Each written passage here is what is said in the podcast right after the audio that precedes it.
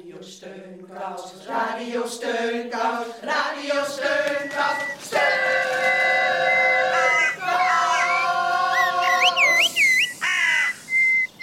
Heel hartelijk welkom bij Radio Steunkous. Hartelijk welkom bij Radio Steunkous. U hoort op de achtergrond al vogels fluiten, want de lente is begonnen. Helaas, helaas kan Ellie nog steeds niet meesnateren, want ze is nog steeds een beetje aan het snotteren. Ja, dat is echt jammer. En het is jammer dat ze nog niet teruggekeerd is in ons eigen radio Steunkous Nest. Oh, wat grappig dat je spreekt over nest. Want juist vandaag willen we het hebben over waar mensen een warm nestgevoel van krijgen.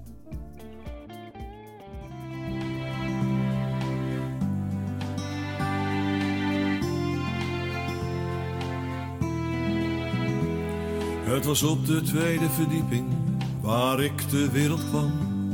In de staatsliedenbuurt, in het oud Amsterdam. Ik heb nog een foto, vergeeld en geplet. Waar ik zit met mijn broers, op mijn ouders hun bed.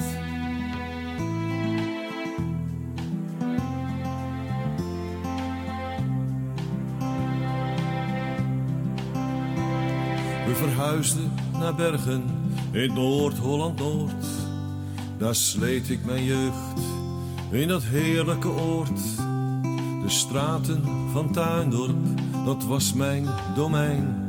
Een heerlijke jeugd, zoals een jeugd maar kan zijn.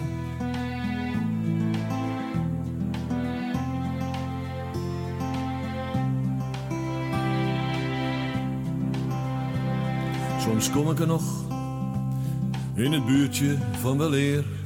De straten zijn nog stil, met weinig verkeer. Er is niet zoveel veranderd, de huisjes zijn oud.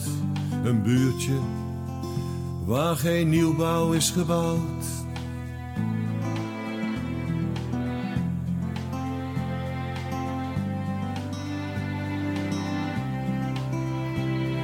En nu, na jaren, is de herinnering die rest aan het huis waar ik woonde. Een heel warm nest.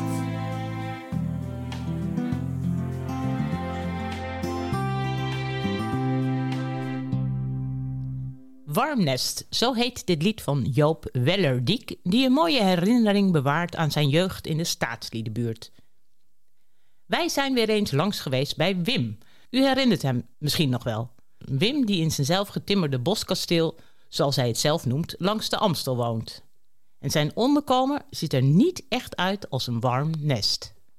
Maar voor hem is dat het wel hoor. Hij woont tussen de tamme ratten, veldmuisjes en kippen en hij voelt zich er ontzettend tevreden. Hij beschrijft zijn eigen onderkomen ook heel avontuurlijk.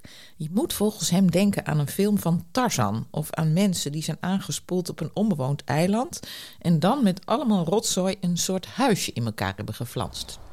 Weet je, als, eh, eh, ja, ik zeg een keer, ik heb die kisten zo gaan. Je hebt toch die, die, zo'n film van Tarzan dat die ook zijn ouders zo'n kist hebben staan, dat ze aanspoelen en daar komt Tarzan uit voort. Maar ik heb die kist ook gestaan, toen dacht ik, het lijkt wel iets van eh, mensen die dan eh, aanspoelen op een onbewoond stuk eh, kustgebied. Die hebben met wat rotzooi en vanzelf een dingetje in elkaar zetten. Daar lijkt het volgens mij wel iets op. De 62-jarige Wim heeft veel fantasie. En we vroegen ons af of hij nog wat meekrijgt van wat er gaande is in de wereld. Ja, en dat blijkt wel degelijk het geval. Hij volgt het nieuws via mensen die op zijn pad komen of hij luistert af en toe naar een oud radiootje dat hij aan de praat heeft weten te krijgen. En hij heeft ook nog een duidelijke mening over wat er nu speelt. Mijn mening is erover dat eh, bovenop die eh, pandemie is dit, eh, als, het, als er toch pechduiveltjes bestaan, hebben ze het even goed uitgesmeerd over ons. Eerst een pandemie en dan in één keer oorlog. Dat ze onderhand zouden vergeten dat er een pandemie is en omgekeerd. Dus dan vraag je, ja, wat is nou erger, die oorlog of die pandemie? Maar we krijgen ze dus nu alle twee als een, als een speciaal present cadeau. Is dat nou van de lieve heer een extra cadeautje omdat we zo braaf zijn of puntje puntje? Ja, goede vraag van Wim.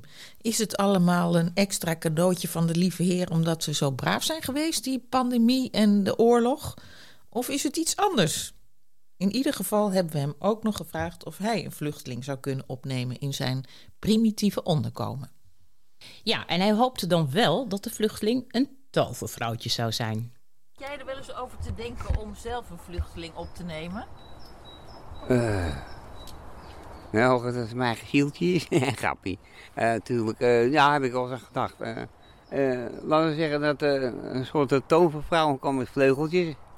En die alles kan toveren. Dan zeg ik, nou kind, stap maar naar binnen. Nee, natuurlijk.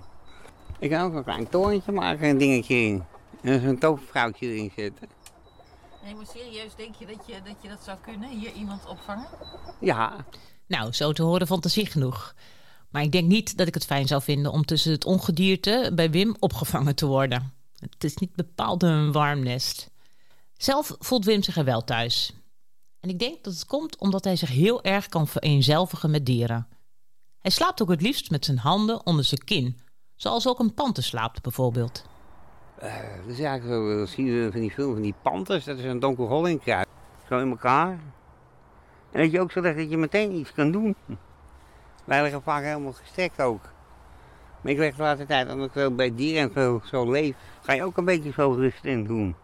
En dan ontdek je ook, als je wat is, vind je meteen op. Ja, een beetje zo, honden liggen ook vaak zo, even kruislinks. En eh, grote ka katachtig hebben dat. eh. En dat het ook veilig is, want je denkt, hier zullen ze me niet zo pakken. We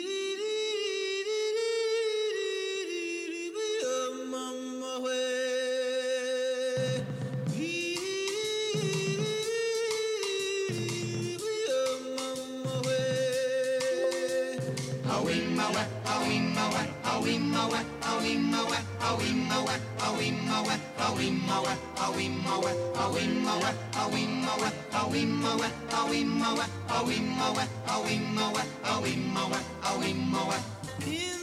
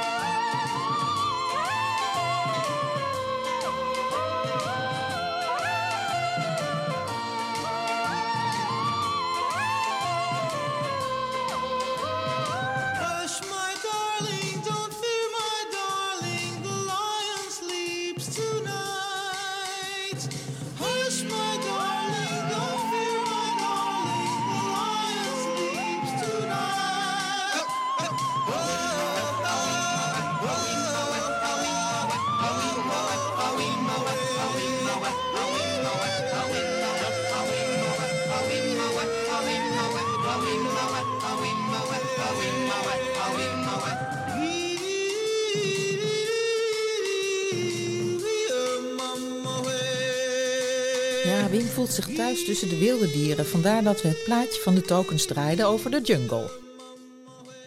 En Ank, jij bent op bezoek geweest bij Ruud Fontijn. Die zijn eigen warme nest aan de Zoutkeetsgracht heeft. Ja, de 71-jarige Ruud is een Amsterdammer in hart en nieren die de stad een warm hart toedraagt. Hij werkte tot aan zijn pensionering op een lagere school in de Transvaalbuurt, waar hij met grote toewijding de kinderen niet alleen les gaf, maar ook zorgde dat zij zich veilig voelden. Omdat we deze uitzending hebben over een warm nest, vroeg ik hem wat hij daaronder verstaat. Eh, ja, je wordt geboren in een gezin. En eh, nou ja, je ouders zorgen voor je. Je wordt gevoed, gekleed. Je krijgt je persoonlijke aandacht. Je wordt in de, in de maatschappij ingevoerd. Weliswaar met de kleur van je ouders, maar dat weet je dan nog niet. En het is in de meeste gevallen niet erg. In bijna alle gevallen niet erg. Ja, en dan op een gegeven moment, als je wat ouder wordt, dan denk je: ja, dat, dat, dat hebben mijn ouders goed gedaan. Daar ben ik blij mee. Hij verstaat dus onder een warm nest de persoonlijke aandacht die je als kind van je ouders krijgt, zoals hij dat van zijn eigen ouders heeft gekregen. Ja, en op de school waar hij in de Transvaalbuur werkte, merkte hij dat opgroeien in een warm nest niet zo vanzelfsprekend is. Maar voordat Ruud daarvan een voorbeeld geeft, schetst hij eerst een beeld van de wijk waarin de school stond. Transvaalbuurt is een kleine afgeschermde buurt. Hij ligt tussen de Tugelaweg, de spoorbaan. En aan de andere kant heb je de, de, de, de ringvaart van eh, Watergasmeer. Andere kant is eh, de Wieboudstraat. En daar van de andere kant daar heb je de Linnaeusstraat. Nou, het is een klein buurtje. Is opgezet begin van de vorige eeuw. Ja, meer dan 100 jaar oud, zeker. En ja, het is op een gegeven moment ja, eh, eh, een jodenbuurt geworden, omdat er de wat beter gesitueerde joden vanuit de binnenstad daar naartoe verhuisden. Er zaten ook woningbouwverenigingen, zoals de Onderwijzersbond, hè, ACOP, zoals het toen nog heette. Ehm, leuk is dat eh Thijssen, de schrijver, daar gewoond heeft. Over, eigenlijk schuin tegenover de ingang van onze school. En er zijn maar weinig collega's van mij die dat ooit wisten. Maar ik, ja, dat moet je weten. Eh Nincio, schrijver, woonde op de kade, Transvaalkade. Ook niet zo ver bij de... Nou, dus, dus, ja, er zit wel iets. Hij omschrijft de Transvaalbuurt waar hij zijn leven lang als onderwijzer werkte, dus als een kleine afgeschermde buurt, waar onder meer de schrijver Theo Thijssen en Neskio woonden. Een buurt met een grote diversiteit aan bewoners en achtergronden, maar ook met kinderen die, in tegenstelling tot hemzelf, het warme nest helaas moesten ontberen. Ik zal je één ding, ja, nou, misschien twee, drie, maar in ieder geval één vertellen.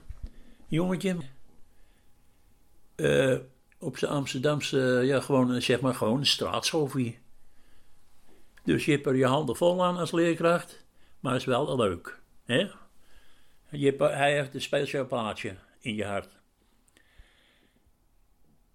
Het is trouwens met alle lastige kinderen hoor, die hebben allemaal een speciaal plaatsje. En eh, op een gegeven moment hoor je van anderen, ja, hij kruipt onder auto's met een aansteker en houdt hij die aansteker onder het motorblok. Dat is dus linkersoep. Dat hoor je. En dan eh, ga je met hem in gesprek. eh, ik heb gehoord dat en dat, enzovoort. Dat, ja, eh, waarom doe je dat nou? Wat, wat, wil je dat er gebeurt? Wil je dat die auto in de brand vliegt? Dus zou, zegt, ja, dat zou ik wel leuk vinden. Ik zeg, nou, dan moet je niet slim, want stel je voor, jij ligt eronder en dan gaat hij in de fik. Dan ga jij ook in de fik, dus dat moet je niet doen. Wat later heeft het ook niet meer gedaan, gelukkig. En of dat aan mij ligt, ik hoop het, maar dat weet ik niet. Wat later hoor je dat hij van de gymleerkracht, dat hij streamen op zijn rug heeft. Babbel de babbel de babbel. Je hebt het gezien en dan ga je erover praten en vooral zijn, zij, zijn kant kiezen. Want ik ben met hem, ik wil weten of het pijn doet, dan kan ik dat misschien verhelpen. Nou. En dan komt hij met een antwoord van eh, hoe komt het nou? Ja, dat zijn een grote jongen van 14, 15 jaar. En die, eh, die slaat me. Nou, natuurlijk al lang in de gaten dat hij, die grote jongen helemaal niet bestond. Maar dat het zijn vader was. En dan kan je twee dingen doen. Je kan die vader, eh, je kan de politie inschakelen. En dan krijgt die vader een douw. Maar schiet je er dan wat mee op? Waarschijnlijk niet echt. Wat je, mee, wat je wil is dat het straffen eindigt. En hoe doe je dat? Tenminste, zo heb ik het toen gedaan. Ik heb die vader op school geroepen. Eerst met Mohammed besproken van... Zus, ik wil dit gaan doen. Vind je dat goed? Ik zal niet zeggen dat er wat anders aan de hand is of zoiets. En van die auto vertel ik ook niet. Ik maak dus een, een, een deal.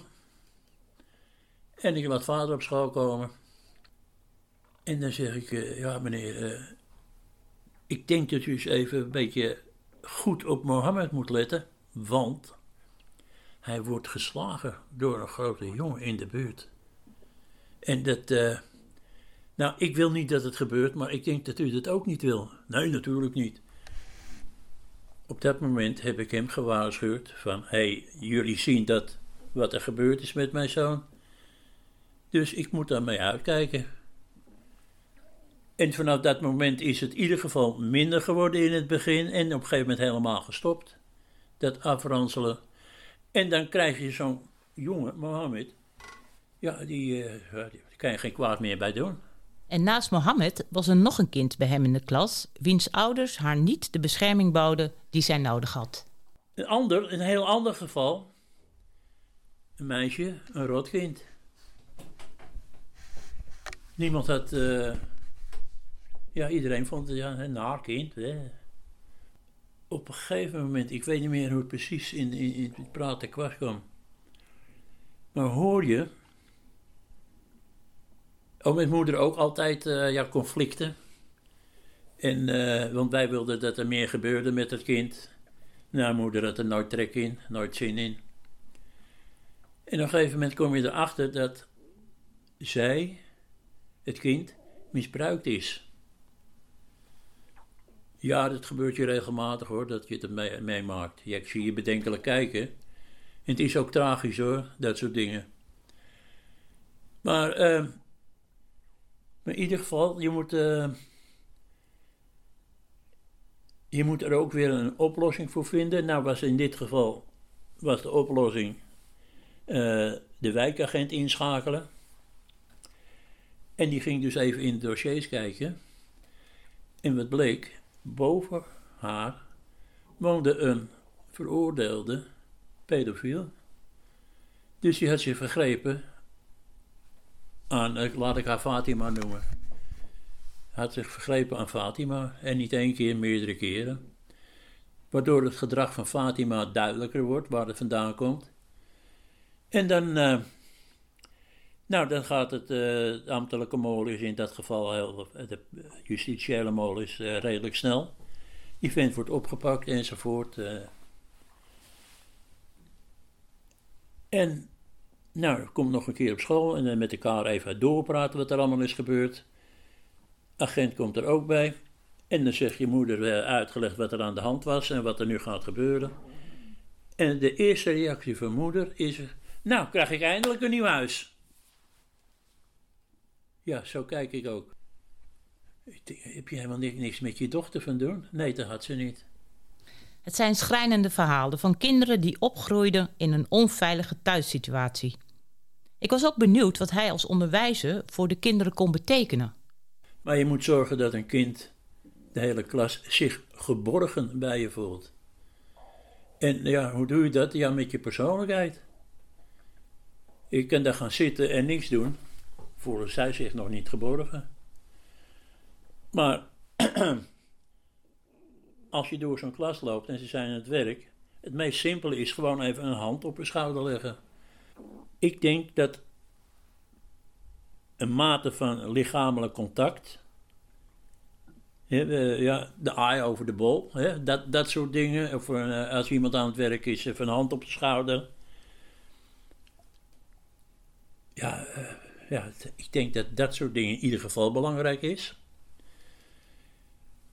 En zorgen dat je er staat. En als je iets met iemand afspreekt, dat ook nakomen.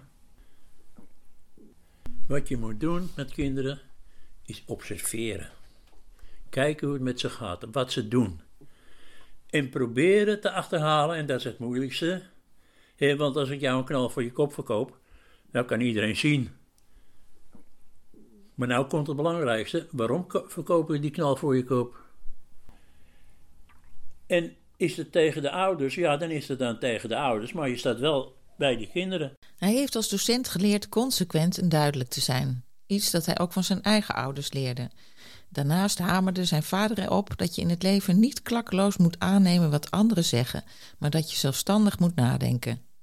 Dat wordt duidelijk in het volgende verhaal over zijn vader.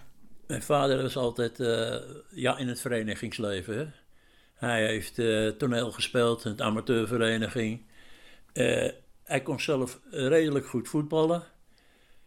Hij komt uit Amsterdam-Noord. Hij was een, speler van de Volenwijkers.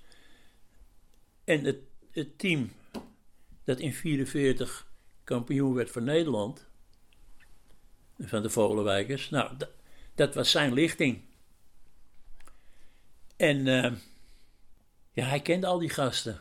Dus eh, hij was net niet goed genoeg om erbij te horen. Nou, maar in ieder geval, dat vind ik wel leuk om te vertellen. Want het, in die competitie gaat de Volenwijkers naar Den Haag, naar ADO. En op dat moment is die wedstrijd aan de gang, is er een razzia van de politie. En de hele tribunes, alle tribunegasten werden eruit gelicht. En die gingen in principe naar Duitsland. Wie kon werken, die ging naar Duitsland. Mijn vader zei op een gegeven moment, hij had in de gaten wat er gebeurde. De hele stadion trouwens. En eh, spelers gingen naar binnen. En mijn vader zegt tegen mijn moeder, Bib, wacht buiten op me, ik zie je straks. En stapt over het hekje het veld op. En al die gasten van het Volenwijk, die kenden hem natuurlijk. En die zeggen, "Eh, geen gelul doorlopen. Hij hoort bij ons, klaar. Nou, hij loopt mee de kleedkamer in enzovoort. En eh, hij loopt rustig naar buiten. Slimme actie. Ja, maar je moet het wel even zien. Ja, hij is wel zo iemand die eh, niet direct een antwoord gaf op een vraag van mij.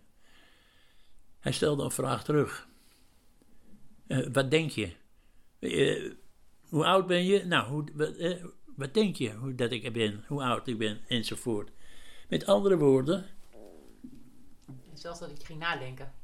hij zet die grijze massa in beweging. En dat, eh, ja, dat heeft hij heel vaak gedaan. Weet ik.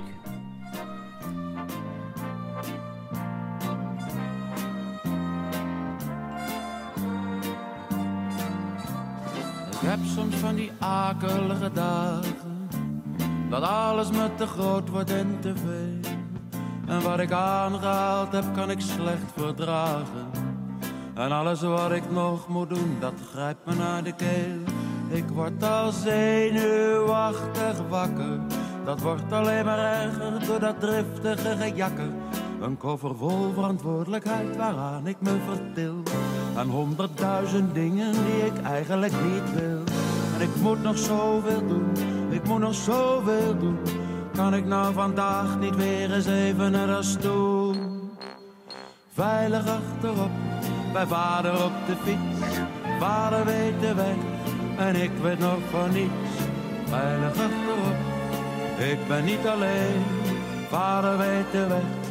Vader weet waarheen, ik weet nog hoe het rook. Ik weet nog hoe het was. Met mijn armen om hem heen, mijn wang tegen zijn jas. Vader weet de weg en ik weet nog van niets. Veilig achterop, bij vader op de fiets. En ik heb zo vaak een onbestemd verlangen. Zo'n zeurig gevoel van droevigheid. En dat verlangen, dat kan dagen blijven hangen. En waar ik ga of lig of sta, ik raak het niet meer kwijt. Niks is leuk en niks is boeiend. Alles is vervelend en mateloos vermoeiend. Een lusteloze, levenloze, wezenloze heer. Die treurig zit te kijken naar de wereld en het weer. En ik moet nog zoveel doen, ik moet nog zoveel doen. Kan ik nou vandaag niet weer eens even naar de stoel?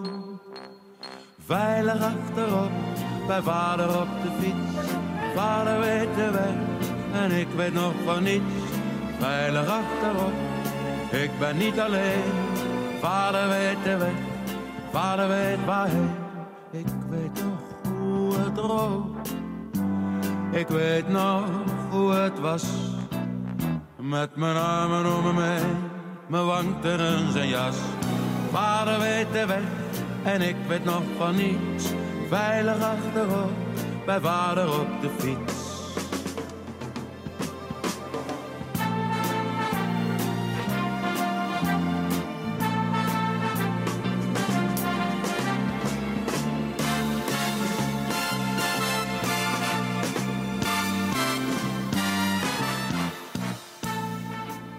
Ja, en wie een veilig gevoel voor op de fiets kreeg bij zijn vader, dat was jouw vaderlijn.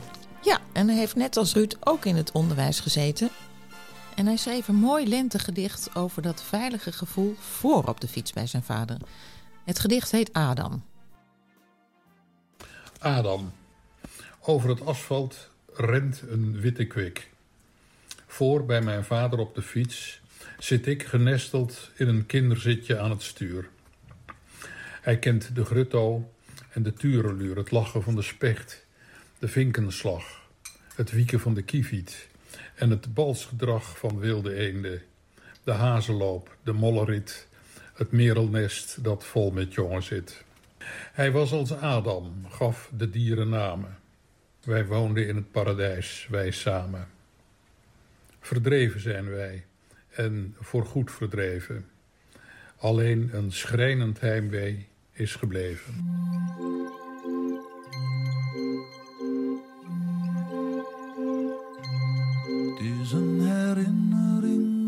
Zoveel, maar deze ene laat mij niet los. Wanneer in het voorjaar de vlinders spelen, dan denk ik weer aan die dag in het bos. Daar bij een huis als van Hans en Grietje zag ik een kind zitten heel alleen. Haar kleine stem zong een lenteliedje voor duizend vlindertjes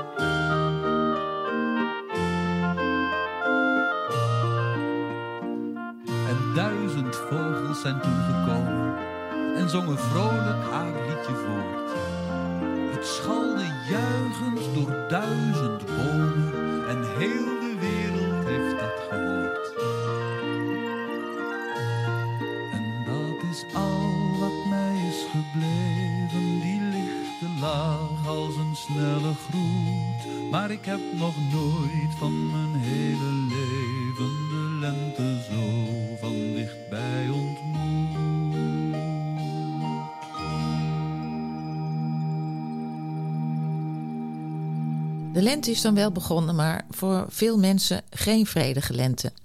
Onze Russische vriendin Alla, zonder haar, weet u nog wel, vindt het vreselijk wat er allemaal gebeurt. Ze heeft een wens voor ons ingesproken. Ze wenst iedereen innerlijke rust en vrede. Dat is volgens haar de enige manier om mensen die gewelddadig bezig zijn een halt toe te roepen. Goedemiddag, bijzondere geweldige luisteraars. Het geeft me bijzondere vreugde om opnieuw contact te kunnen maken met jullie. En in deze moeilijke, waanzinnige, donkere dagen van oorlog in Oekraïne wil ik jullie uit heel mijn hart, mijn Russische hart, toewensen innerlijke vrede. Ik wens jullie ook om al het mooie in jullie leven volledig te omarmen. Vooral nu. De fijne vrienden, de geweldige familieleden, het lekker eten ook, de muziek, het mooie boek. Doen wij dat niet, branden wij heel snel op. Dus positief denken, heel belangrijk in deze tijd. Eigenlijk altijd. Optimisten worden. Dat kunnen wij niet, maar wij moeten dat echt doen. En dat brengt ons dan op het pad naar innerlijke rust. Naar die innerlijke vrede. De staat van gezondheid en welzijn. Neem elke dag een positieve moment voor jezelf. Ik neem dat ook, iedereen. En dat verbindt ons met elkaar. En misschien helpt ons om te, tot vrede roepen de rest, die gewelddadige vijanden.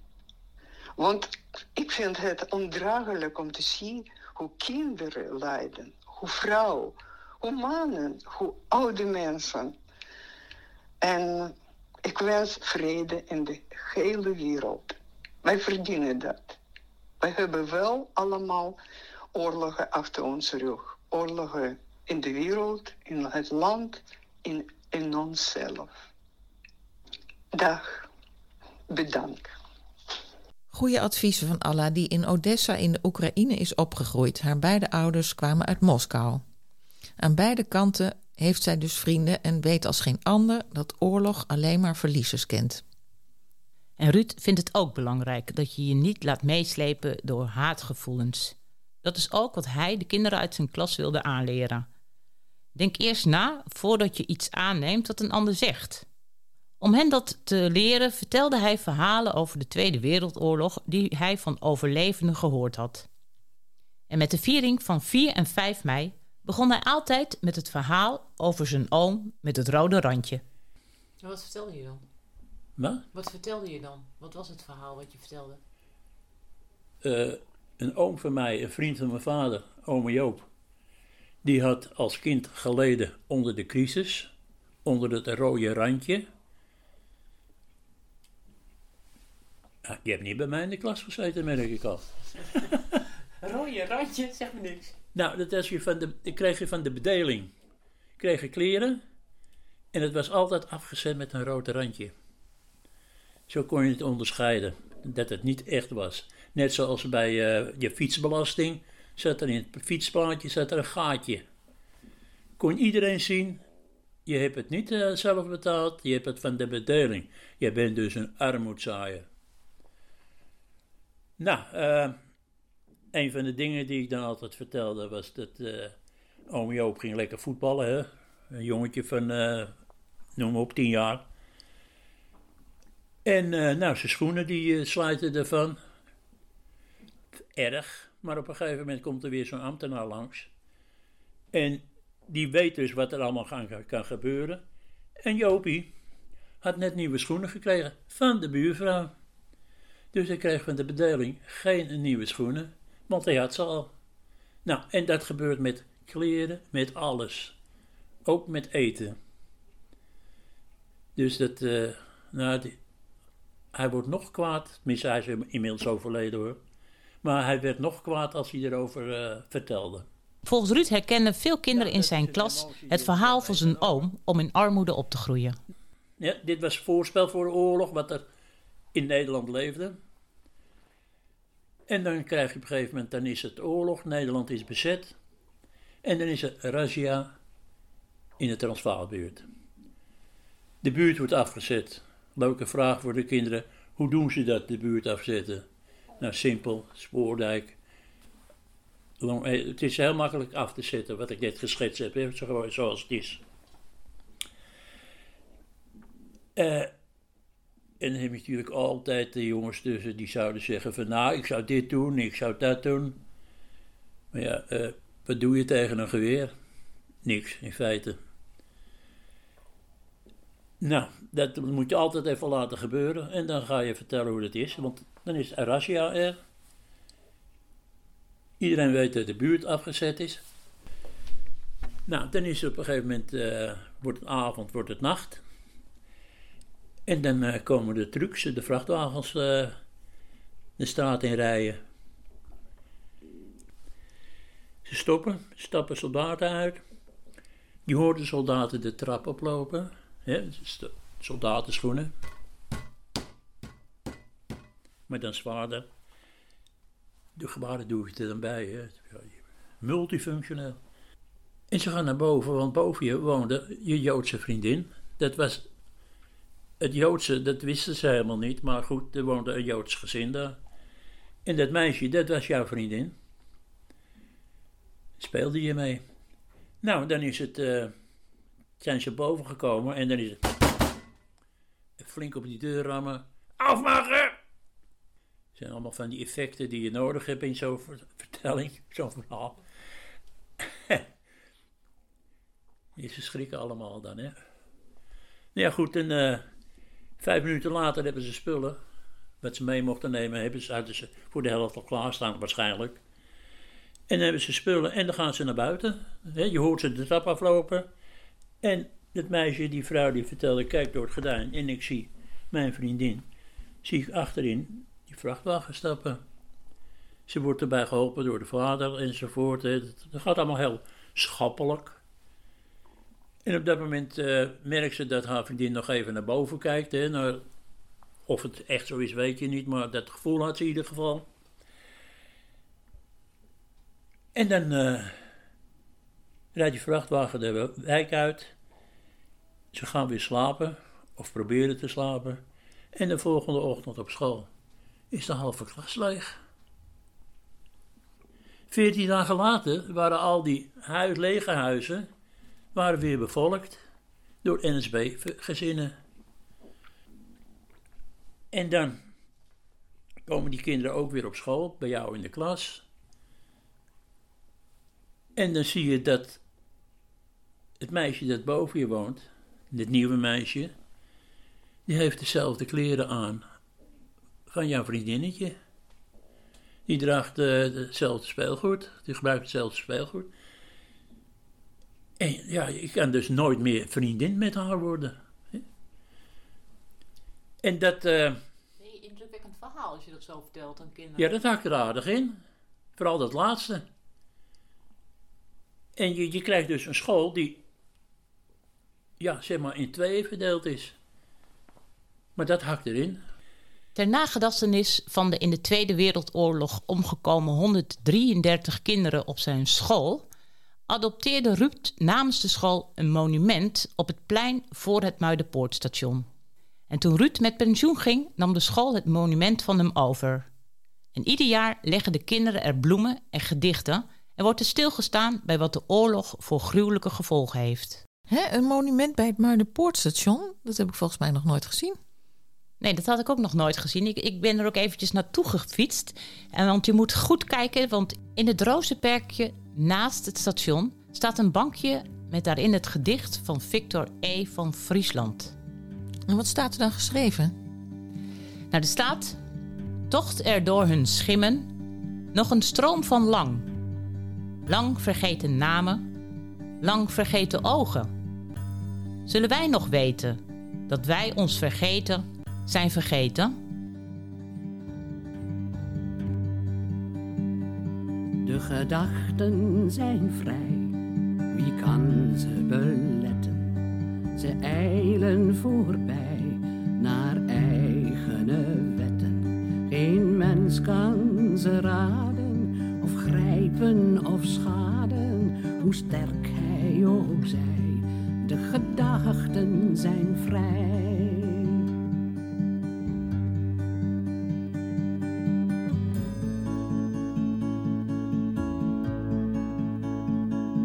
Ik denk wat ik wil, wie zal het mij verbieden? Mijn denken gaat stil, waarheen het wil vlieden. Mijn wens en verlangen neemt niemand gevangen, hoe sterk hij ook zij. De gedachten zijn vrij. En als men mij sluit in donkere kerker, dan lach ik ze uit. De geest is toch sterker Hij breekt onverdroten de grendels en sloten en werpt ze terzij. De gedachten zijn vrij.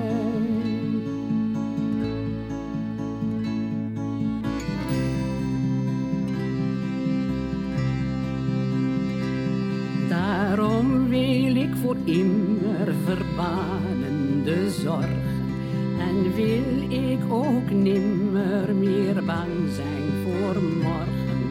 Je kunt toch van binnen de vreugde beminnen en denken daarbij. De gedachten zijn vrij. Onze gedachten zijn vrij, dat zingt uh, Kobi Schreier en dat is een troostrijke gedachte, waar we ons ook bevinden en wat we ook mankeren. En dat je zelf nadenkt over wat goed of fout is. Zoals Ruud, die dat van zijn vader leerde en dit tijdens zijn werk als onderwijzer zijn leerlingen probeerde bij te brengen aan de hand van verhalen over overlevenden van de Tweede Wereldoorlog. En we hoorden hem eerder ook vertellen dat hij warme gevoelens overhoudt als hij aan zijn onderwijsbaan denkt. En wij krijgen een warm gevoel bij het idee dat het lente wordt. En zeg je lente, dan denk je gelijk aan de eerste versregel van het gedicht Mei van Herman Gorter. Een nieuwe lente en een nieuw geluid. Ik wil dat dit lied klinkt als het gefluit. Dat ik vaak hoorde voor een zomernacht in een oud stadje langs de watergracht. In huis was het donker, maar de stille straat vergaarde schemer aan de lucht blonk laat. Nog licht, er viel een gouden blanke schijn over de gevels van mijn raamkozijn. Dan blies een jongen als een orgelpijp, de klanken schudden in de lucht zo rijp. Als jonge kersen wen een lentewind in het bosje opgaat en zijn reis begint. U hoorde de eerste versregels van het gedicht Mei, voorgelezen door zes willekeurige studenten. En het gedicht gaat nog veel verder. Het heeft in totaal 4381 versregels. Nee! Ja. Een nieuwe lente, nieuw geluid, een nieuwe dageraad. Mijn luisterlied is nog niet uit, zolang jij me verstaat. Kom, schenk me weer een beker vol, ik kan mezelf niet aan. Mijn koele hersens slaan op hol en ik grijp weer naar de maan.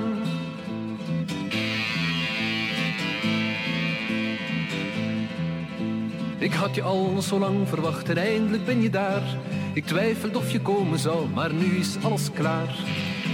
En blijf je nu voor goed bij mij, dan wordt alles weer goed. Dan kan ik duizend dingen aan die jij niet eens vermoedt.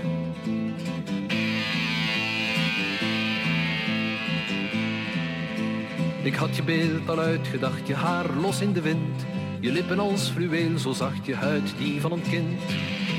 Je benen slank en lenig en je borsten klein en rond. Je ogen donker als een meer boven je lieve mond.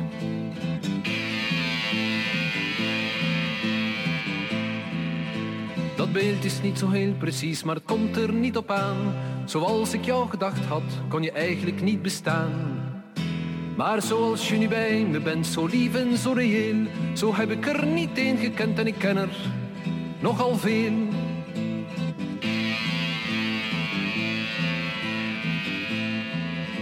Mijn oude liefjes kloppen aan mijn deur nog af en toe. Herinneren me de oude tijd, maar ik ben die tijd zo moe. Kom, schenk me weer een beker vol, dan spoel ik alles door. Dan blijft er van die liefjes in mijn mond geen enkel spoor.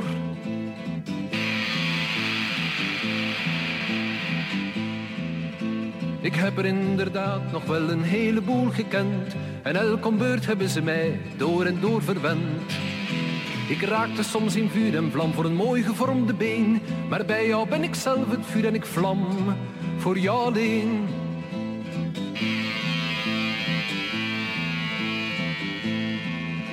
Want jij bent nu mijn nieuwe lente en mijn nieuw geluid. En als jij naar me luistert, is mijn lied nog lang niet uit. Kom, schenk me weer een beker vol, ik kan weer alles aan. En ik drink met diepe teugen uit jouw ogen, ons bestaan.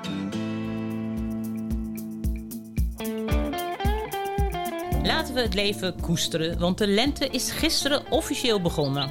Het is het jaargetij van het nieuwe leven waarin de natuur ontluikt, de dagen langer worden en het zonlicht sterker.